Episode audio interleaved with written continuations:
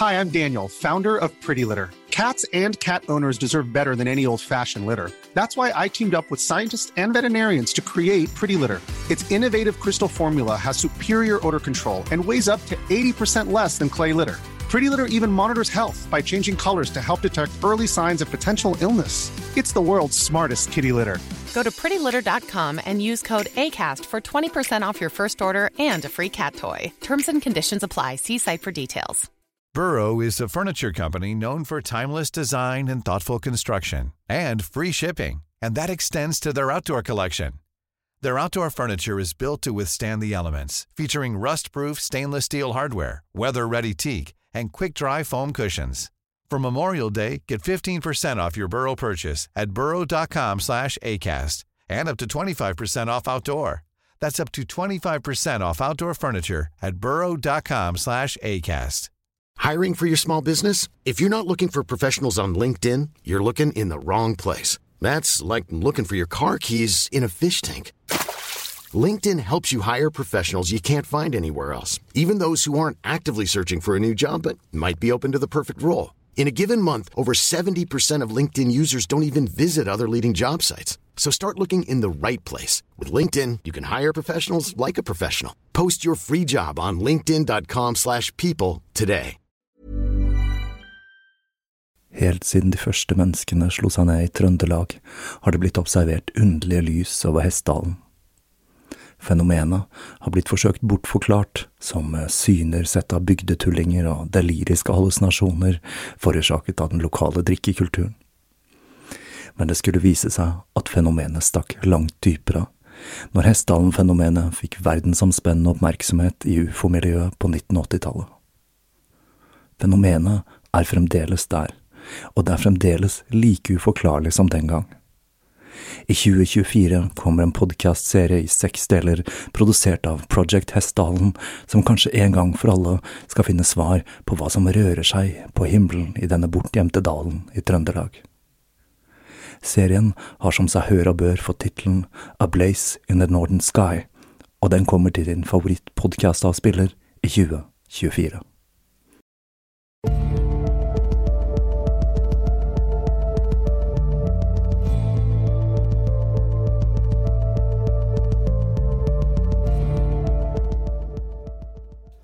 Hei og velkommen til Tåkeprat. Jeg heter Even, og når jeg tar opp denne episode 122, så er det den 19. januar 2020. Tåkeprat er podkasten som ikke er redd for å ta for seg hva nå enn det skal være av tematikk. Og akkurat nå så føler jeg litt for å snakke om romfart. Romfart, faktisk. Men jeg føler jo at det egentlig passer ganske bra i begynnelsen av en episode om eventyreren Jack Hornby. Hvert andre år så er Mars nærmere jorda, og 2020 er et av disse årene. I år er det planlagt hele fire oppskytninger til den røde planeten, annet for å lete etter spor etter liv. Tre av disse oppskytningene har med seg rovere, og den amerikanske har til og med med seg en liten drone, så det blir mulig å fly på Mars for første gang om ferden lyktes. I tillegg til amerikanerne, så har kineserne kastet seg inn i kappløpet til Mars, og sender opp en rover og en satellitt. Og russerne sender også en rover, Rosalind Franklin, som er laget i samarbeid med ESA, den europeiske romfartsorganisasjonen.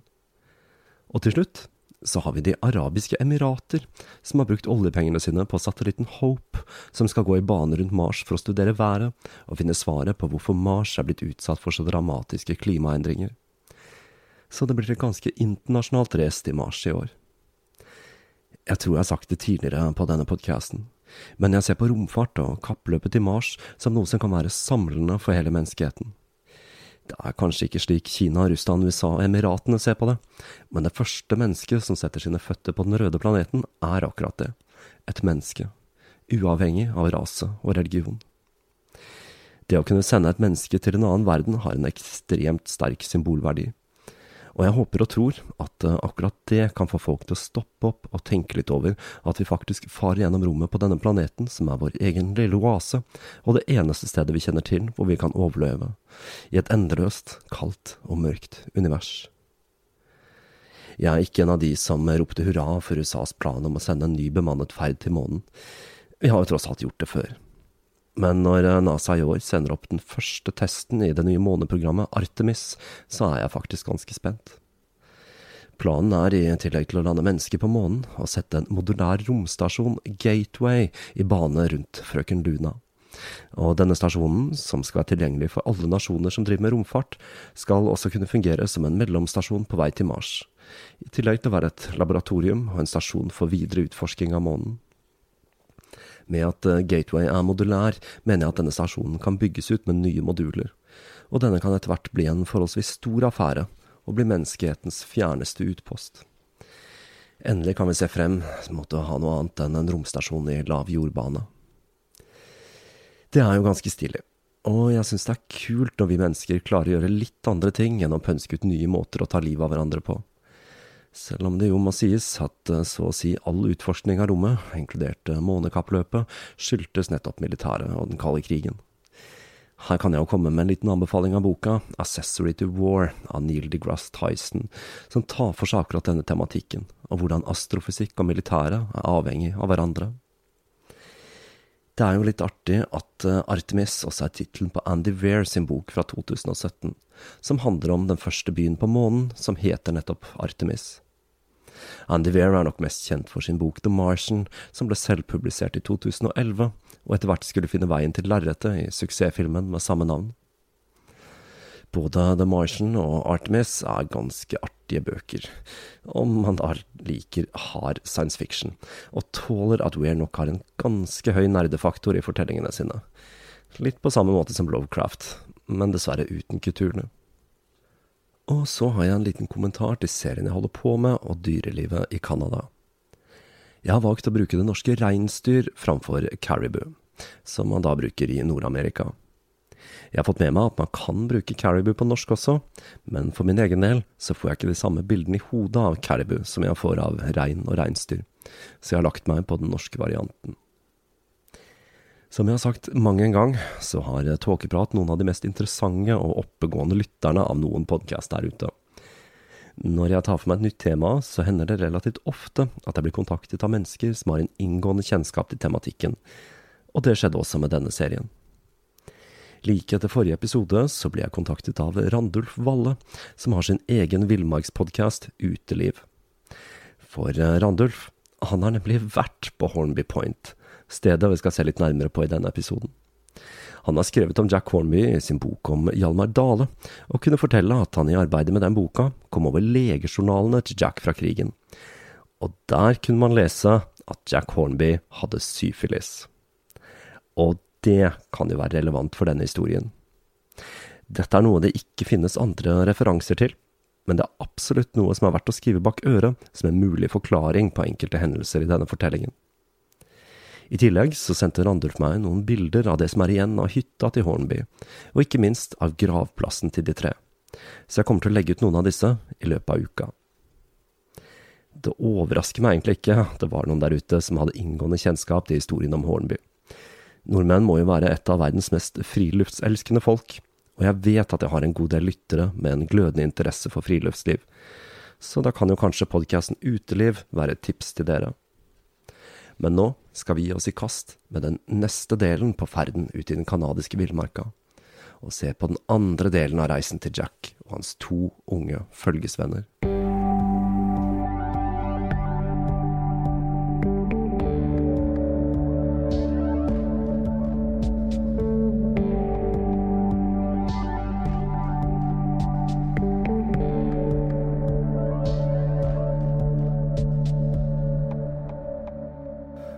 Den 2. juli fortsatte følget på ferden, med kun de tre opprinnelige ekspedisjonsdeltakerne igjen.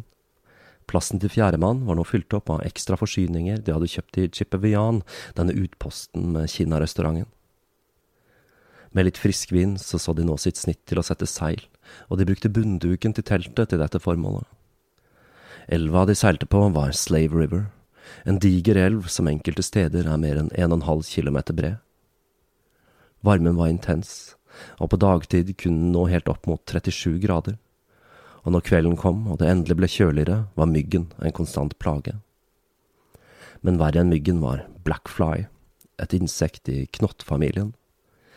Akkurat hvilken art dette dreier seg om, er jeg usikker på, Her i Norge har vi for eksempel tunflua, som er et eksempel på hvor plagsom denne typen insekt kan bli. Dette må uansett ha dreid seg om en svært hissig variant av knott. For de innfødte holdt seg unna steder der det var mange av dem, og elgen ble ofte sett stående i vannet for å unngå de smertefulle bittene. Det eneste som var fint med denne knotten, er at den forsvant natterstid, for da overtok nemlig myggen. Etter to dager kom de til den neste bosetningen, Fitzgerald. På grunn av at eh, elva gikk over i en serie med stryk, så var de nødt til å frakte kanoen og utstyr over land derfra til den neste bosetningen, Fort Smith. Edgar satte pris på muligheten til å få strukket litt på beina etter å ha tilbrakt 50 mil i kano, og han benyttet sjansen til å kjøpe seg et myggnett. Og av egen erfaring så kan jeg bekrefte at det eneste som faktisk hjelper når byggen er skikkelig hissig, det er nettopp myggnett. Det var nå Edgar skulle oppdage hvor utholden Jack faktisk var. Han slet med å holde følge på den fire timer lange gåturen til neste bosetning. Og han fortalte at anklene hovnet opp som fotballer, og han slet med å ta av seg sokkene.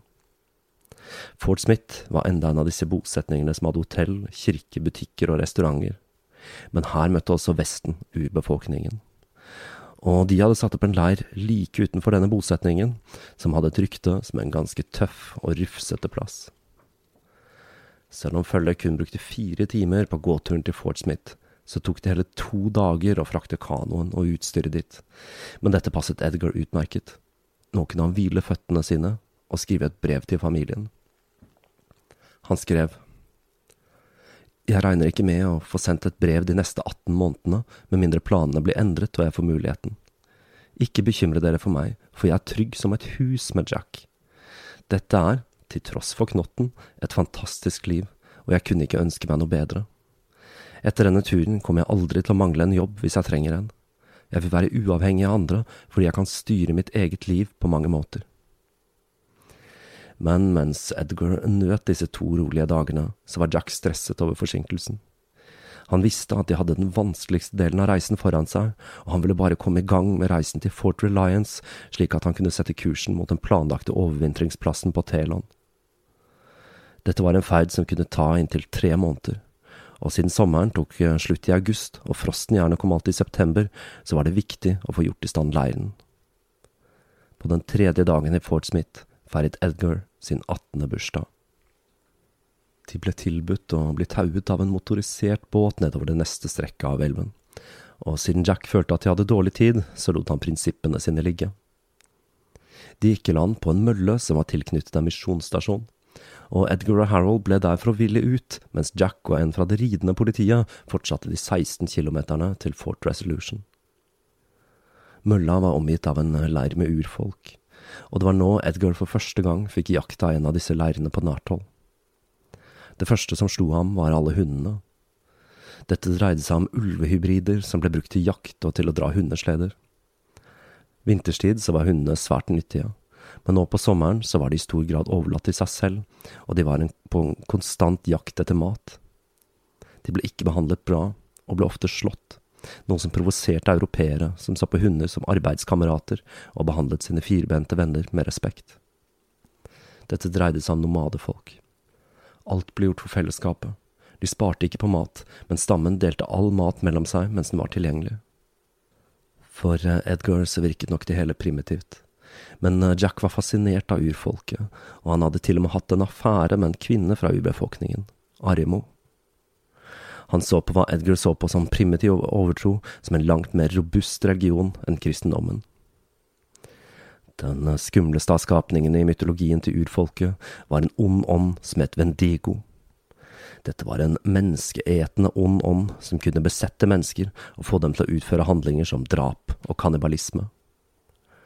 Om vinteren kunne man se hvor Vendigo hadde gått da den etterlot seg fotspor i snøen men på sommeren var det kun leirboll og lamper som kunne holde den unna, og på samme måte som med vampyrer, så kunne den ikke gå ved rennende vann, slik at de innfødte enkelte ganger satte opp leiren på en øy for å være helt sikker. Når eh, en i stammen døde, ble han gravlagt på en høyde og lagt under en varde for å beskytte han ikke bare mot ulver, men også mot denne ånden. Til eh, tross for at Jack mislikte de innfødtes behandling av hunder, så var det fra dem han hadde lært seg alt han kunne om overlevelse i villmarka. Han hadde til og med begynt å tørke seg i rumpa med en pinne, akkurat slik som de innfødte gjorde. Og nettopp denne indianiseringen var en viktig del av legenden om Jack Hornby. Den 10. juni fortsatte de på ferden og ut på Slave Lake. Nå var det kun én siste utpost, en liten handelsstasjon, Fort Reliance i enden av innsjøen, før det var helt slutt på alle spor etter sivilisasjonen, og de tok seg inn i The Barren Grounds. De var nå halvveis og hundre mil fra den planlagte overvintringsplassen. Edgar fortsatte å skrive brev hjem, og på oppfordring fra Jack så skrev han om hvordan de planla å tjene gode penger på pels og mineraler, slik at det skulle virke som at det de drev med hadde en viss eim av seriøsitet. Jack eh, kunne riktignok en del om snarefangst, men han hadde aldri klart å tjene penger på dette. Og mineraler, det visste han ingenting om, selv om han hadde kommet tilbake fra en tur i villmarka med noen biter sølv. Om han hadde funnet disse selv, eller fått dem fra de innfødte, det vites ikke. Slave Lake er kjent for sitt lunefulle vær, og mange eventyrer hadde strandet på de mange granittøyene i innsjøen. Jack fikk de to til å pandle en hel dag og en hel natt i strekk for å krysse innsjøen så raskt som mulig, og dette presset de uerfarne mennene til bristepunktet. Det hadde allerede begynt å bli lite med mat, og nå gikk det i den lokale spesialiteten pemmican. Dette er en gammel teknikk for å lage holdbar turmat med høyt proteininnhold. Man blander pulverisert tørket kjøtt med fett og en smaksforsterker som blåbær eller rosiner. Og denne pemmikanen ble fortært sammen med bannock, som er en type brød som hadde sin opprinnelse i Skottland, men som etter hvert ble utbredt blant de innfødte i Canada. De skulle også ha fiskelykke, så dette kostholdet ble spedd på med litt fisk. For energien, den trengte de, mens de padlet langs sørbredden til innsjøen og beveget seg fra øy til øy. En dag fikk de øye på en røyksøyle, og ble gledelig overrasket da de oppdaget en fortøyd båt Jack visste tilhørte Scotty Robb, en handelsmann som holdt til på Fort Reliance. De ventet ved båten til Robb dukket opp, og hørte om han ikke kunne taue dem et stykke, for det var fremdeles åtte mil til Fort Reliance. Det fikk de, og på veien snappet båten opp enda flere fangstfolk som hadde strandet da motoren på båten deres hadde gått i stykker og dette lille toget av båter fortsatte ferden over innsjøen. Den 21. Eh, juni ankom de Fairchild Point og Fort Reliance.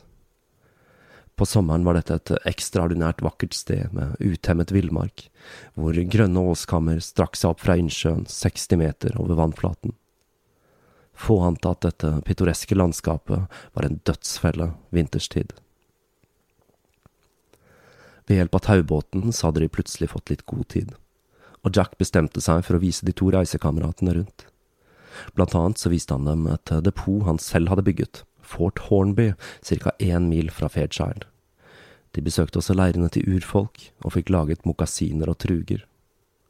Folk som levde der ute, hadde for lengst gått bort ifra vestlige sko og støvler, og de foretrakk mokasiner som var laget av rein eller elg. Vanligvis så slipper man ut fire par i løpet av en vinter. Truger var så svært praktiske vinterstid. Men eh, Jack likte ikke disse, da han hadde så sarte føtter. Men han hadde til gjengjeld svært store føtter, og han var lett, og han klarte seg derfor uten. Og akkurat dette med de såre føttene kan være en indikasjon på at Jack hadde syfilis, da denne sykdommen kan føre til utslett på fotsålene. Edgar betraktet fascinert hvordan de innfødte kvinnene plukket lus fra hodene til barna, for så å tygge de og svelge de, tilsynelatende med stor tilfredshet. Etter to uker bestemte de seg for at tiden var inne for å pakke sammen og reise videre. De hadde fremdeles tre måneder med reising foran seg før de kom til den utvalgte overvintringsplassen.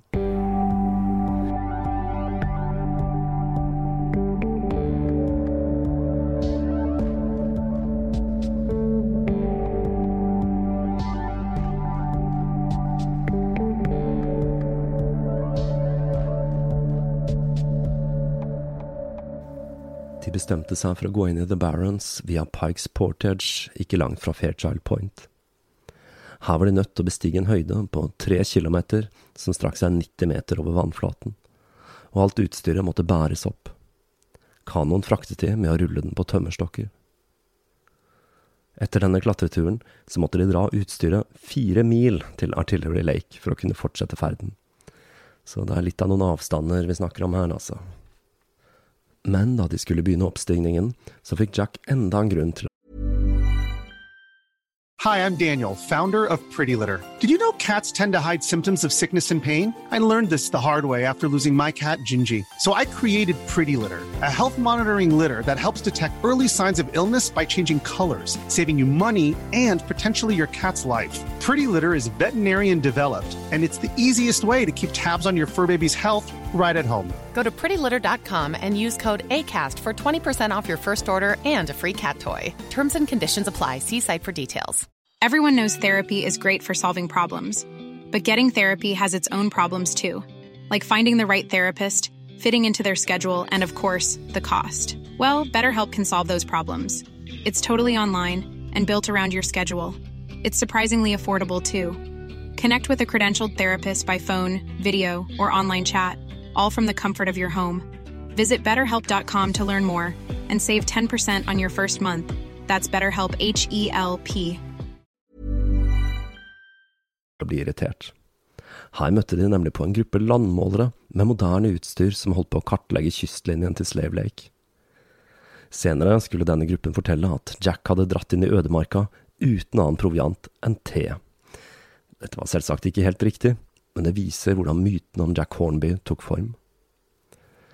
Pikes Portage og den enorme kraftanstrengelsen det tok å frakte utstyret opp der, var en påminner om at det som lå foran dem nå, var en beinhard tilværelse der de kun hadde seg selv å stole på. Det var ingen flere handelsposter, ingen depoter, bare milevis med uberørt villmark og dem selv.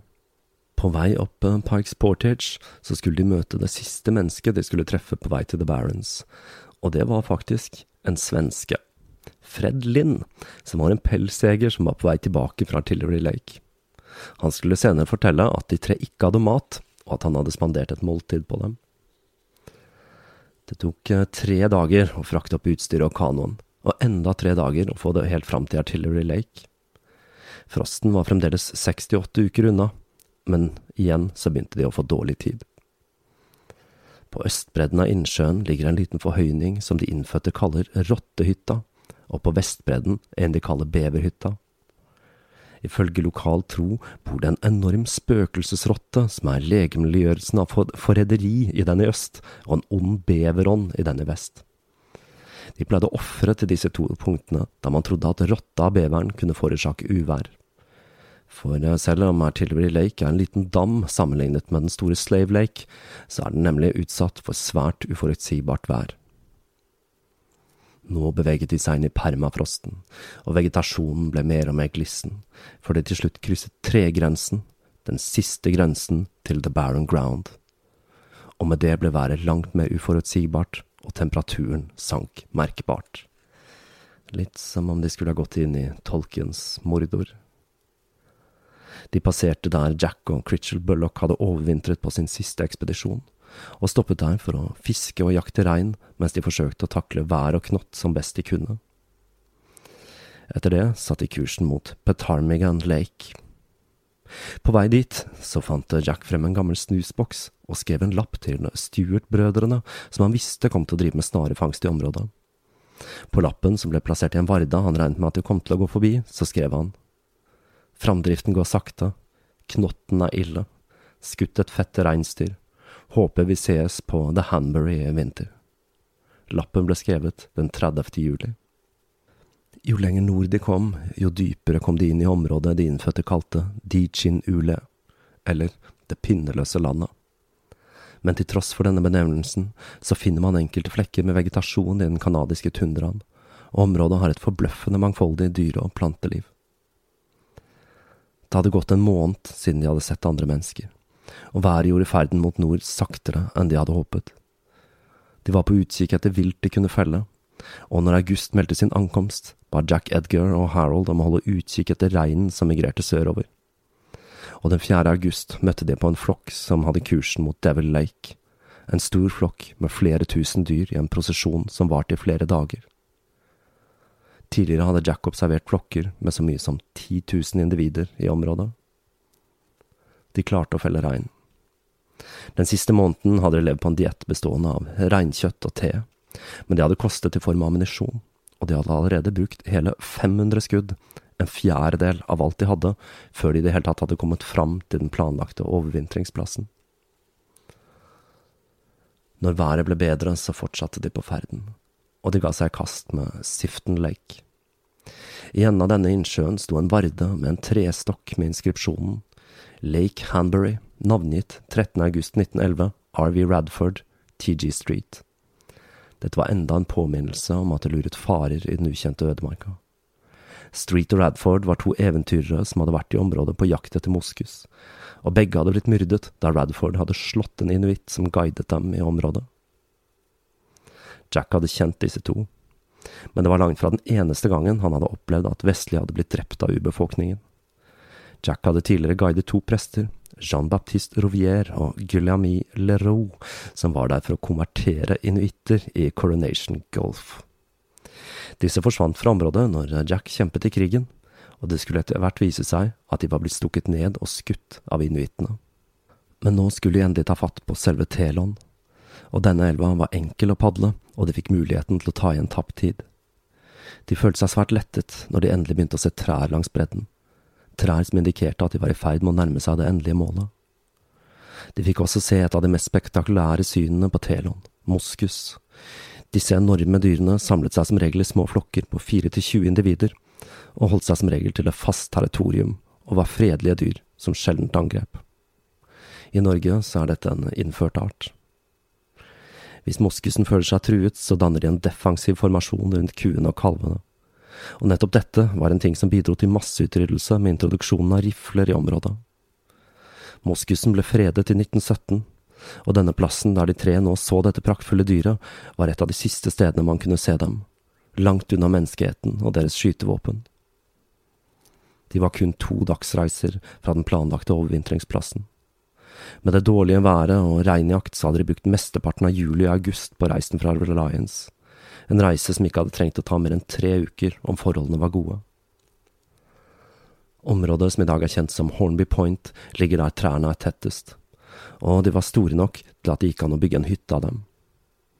Området var også så stort at det slett ikke var helt utenkelig at reinsdyrene kunne overvintre der, og Jack hadde tidligere sett seg ut dette stedet som en mulig overvintringsplass men når han hadde vært der på sin forrige ekspedisjon, så hadde de ikke hatt tid til å se seg godt nok rundt etter spor etter vilt som kunne tenkes å være der vinterstid, så han kunne ikke være helt sikker. På plassen hadde de også funnet stubber etter trær som var blitt hugget ned, noe som tydet på at det hadde vært mennesker her og slått leir tidligere. Følget ankom plassen den 5. september, når sommeren var på hell. Været var kaldt og vått, og den første snøen var alt i luften. Jack begynte å se seg om etter området der han hadde funnet trestubbene, og han fant det ca 30 meter fra elvebredden. Området hadde utsikt over elven, som var flere hundre meter bred på dette punktet, og det var her de bestemte seg for å bygge hytta.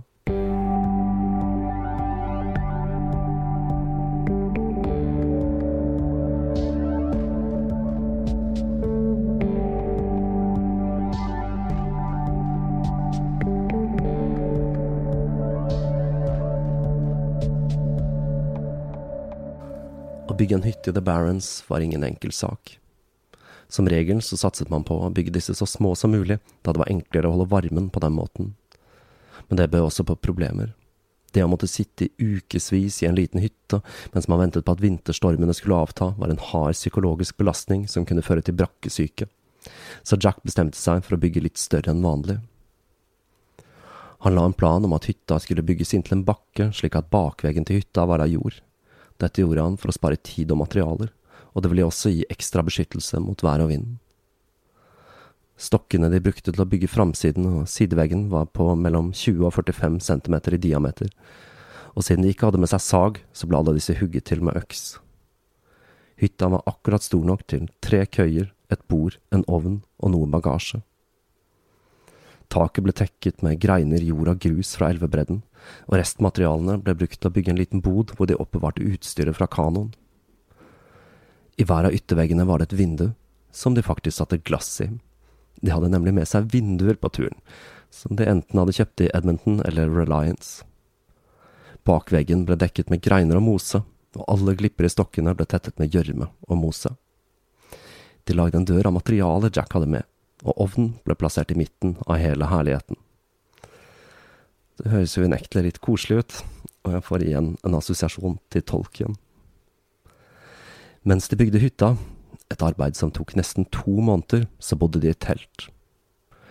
Det var ikke bare det at de hadde begrenset med redskaper, og det at bakken var frossen som bød på utfordringer som gjorde at det tok ekstra lang tid, men også det at de brukte en del tid på å jakte, for å sikre seg forsyninger som kunne se dem gjennom vinteren men til tross for at det var viktig å lage seg et matlager, så ville de være helt avhengig av suksessfull jakt og fangst på vinteren for å overleve. Og Jack hadde en urokkelig tro på sine ferdigheter som jeger og fangstmann. Det var altså reinsdyr som var den store greia for Jack. Men reinsdyrene var mystiske skapninger. Når de migrerte, så hadde man nærmest ubegrenset tilgang på mat. Men hva som fikk reinsdyrene til å vandre, når de gjorde det, og hvorfor, var et mysterium noe som gjorde at disse dyrene hadde nesten mytisk status. De innfødte sa, som ånder dukker de opp fra ingensteds, de fyller landet og forsvinner. Og et annet ordtak er, ingen vet hvilken vei vinden blåser eller regnen beveger seg. Men eh, selv om Jack hadde hentet mye inspirasjon fra de innfødte, så tok han ikke til seg dette, og han var sikker på at han hadde klart å dekode det mysteriet som var reinens vandringer, paringsplasser og overvintringsplasser. Han mente at reinen var på sitt feteste akkurat når de ankom området, og ett enkelt dyr av denne typen ville holde som mat i fire til fem dager til de tre. Så for å overleve vinteren så trengte de minst 50 dyr totalt. Et ikke helt ubetydelig antall der, altså. Det var viktig å felle flest mulig dyr i slutten av september og begynnelsen av oktober, da de var på det feteste. For mot slutten av november brøt de store flokkene opp i mindre enheter, og de hadde langt mindre kjøtt per individ. Jack var overbevist at eh, dersom de var i utkanten av skogen i denne perioden, så kunne de klare å felle 50 rein i løpet av vinduet på tre uker. Han regnet med at det ville være rein her, basert på observasjoner han hadde gjort ved Artillery Lake, som lå 32 mil sørvest for leiren, altså et ganske godt stykke unna der de hadde slått seg ned. Om eh, dette skulle feile, og reinen ikke dukket opp der slik han hadde forestilt seg, så kom de til å bli nødt til å reise på kryss og tvers av The Barons på jakt etter mindre flokker og kjøttet måtte fraktes tilbake til leiren. Og så hadde de ingen hunder til å dra sleder. Fangstfolk og innfødte brukte hunder, og Jack hadde selv hatt med seg hunder på tidligere ekspedisjoner. Men denne gangen så lot han altså være, da han følte at det å fòre på hunder var en ekstra belastning, og fordi han var misfornøyd med at hunder hadde blitt så utbredt i nordområdene. Når han var på egen hånd, så var han svært mobil og kunne tilbakelegge store avstander til fots. Men denne gangen så hadde han jo med seg to nybegynnere, og det å frakte slakt over store avstander uten hunder ville bli svært, svært vanskelig. Dessuten, Jack var svært glad i hunder, og ville ikke påføre sine firbente venner unødig lidelse. Han følte avsky for hvordan de innfødte behandlet hundene sine sommerstid når det ikke var bruk for dem.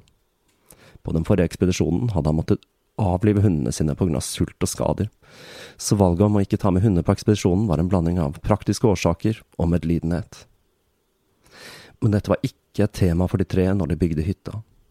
Jack så ingen grunn til å være usikker på at de skulle klare å komme seg gjennom vinteren.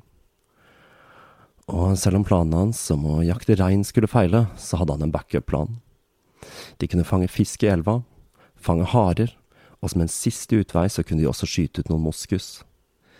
Disse var altså fredet, men det var lov å jakte dem dersom det sto om liv at moskusen, disse dyrene som var så territoriale, kunne finne på å emigrere når vinteren kom, det falt han slett ikke inn. Det var tross alt regn, og ikke moskus, Jack var ekspert på. Edgar jobbet beinhardt med å få i stand hytta. Samtidig så tok Jack han i læra og viste ham hvordan man bygde snarer, og han var med Harold og fiske i elva. Edgar hadde satt ut en linje med snarer gjennom skogen, av den typen som var egnet for mink, og en annen linje for rev og hare langs med elva, i tillegg til en som gikk opp i høydedragene over hytta. Det var egentlig bare Jack som hadde en lisens til å drive med snarefangst, men det var ikke så mange som brydde seg om det der langt ute i ødemarka. Men det Edgar likte aller mest, det var å lære å jakte. Han elsket det å dra på vinterjakt i truger. Men ettersom vinteren kom nærmere og nærmere, så ble det stadig vanskeligere å bevege seg langt vekk fra leiren om man ikke ville gå seg bort i snøstormer og fryse i hjel. Nettene i teltet var iskalde, og han lengtet etter den dagen hytta sto ferdig og de kunne fyre i ovnen, mens han surret seg inn i tepper i et fåfengt forsøk på å forsøke å holde varmen. Den 14. oktober bestemte han seg for å gjenoppta dagbokskrivingen. Dagen før hadde de klart å felle en rein og spist godt, selv om de ikke hadde klart å frakte alt kjøttet tilbake på grunn av været, og nå brukte alle tre de nye kreftene på å få ferdig hytta. Når vinden endelig løyet, klarte de å frakte resten av kjøttet til boden, og de begynte å snekre på køyene i hytta. Jacks køye var i det nordøstlige hjørnet, mens Edgar og Harold sine ble bygd på vestsiden. De lagde også et lite bord som ble plassert mot jordveggen, og resten av inventaret besto av kofferter og kister fra oppakningen. Fellene til Edgar begynte å gi resultater, og han klarte å fange annet eh, røyskatt og rev, i tillegg til en jerv, faktisk, som skulle stå på menyen senere. Edvard fikk seg til og med et kjæledyr da han fanget en fjellrevvalp i en snare, og denne reven skulle få selskap av en til da Jack senere fant en annen valp. Men de klarte på langt nær å fange så mange dyr at de kunne gjøre store penger på pelsen slik Jack hadde forespeilt dem. Og det at det var så lite dyr der, gjorde at det virket mer og mer tvilsomt at de ville finne mange reinsdyr i området. Et inntrykk som ble forsterket av at det heller ikke var noen ulv, noe man kunne regne med dersom det var rein i området. Men Jack ga ikke opp håpet. Han begynte å utforske området ovenfor leiren, og der oppe på tundraen fikk han øye på en flokk med 30 individer. Men da de skulle ut og se etter flokken neste dag, så var den sporløst forsvunnet. Jack bygde seg en jaktpost på høyden, og satt der dag etter dag i den strenge kulda med rifla i hånden i påvente av å se et gevir i horisonten, men ingen dyr dukket opp. De var nødt til å finne på noe nytt, og de bestemte at de måtte lage en leir til lenger opp elva, hvor de kunne ha et lager til kjøtt for videre transport til hytta. De bygde denne utposten to og en halv mil opp elva på nordbredden.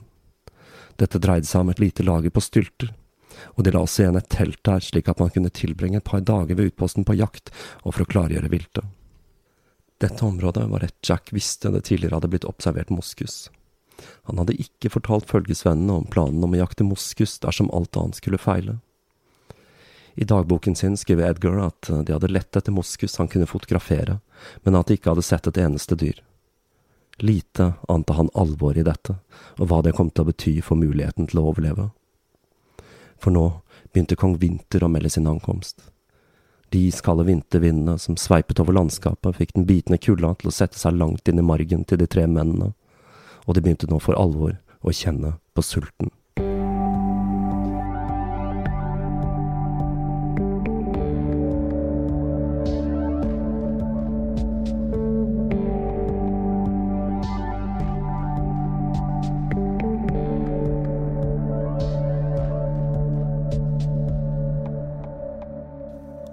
Forlater vi den canadiske villmarka for denne gang. Jeg har spart det beste, eller eventuelt det verste, til siste episode.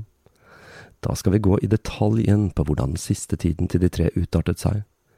Når de begynte å innse at de hadde begått en fryktelig feil når de hadde valgt seg overvintringsplass.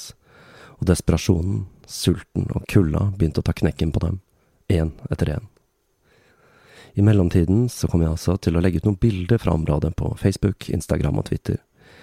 Og så kan dere kanskje gjøre dere noen tanker om at uansett hvor tøft de tre gutta hadde det i The Barons, så vil de første menneskene på Mars måtte overleve i et langt tøffere terreng, og med enda mindre håp om å kunne få hjelp utenfra enn hva Hornby og ekspedisjonen hans hadde. Hornby og gutta hadde i det minste luft å puste i, og muligheten til å skaffe seg mat fra naturen. Oppdagernes tid er enda ikke forbi, er vel hva jeg prøver å si her. Vi har et endeløst univers å utforske selv om vi så vidt har tatt de første famlende skrittene ut ifra vår fødestue på vår vei mot å bli en interplanetarisk art. Store ord fra meg der på en søndag, altså. Så fram til neste episode så vil jeg som vanlig oppfordre til å følge podkasten i sosiale medier, tipse en venn, skrive en god anmeldelse eller bli en patrion. Vi høres igjen om en uke.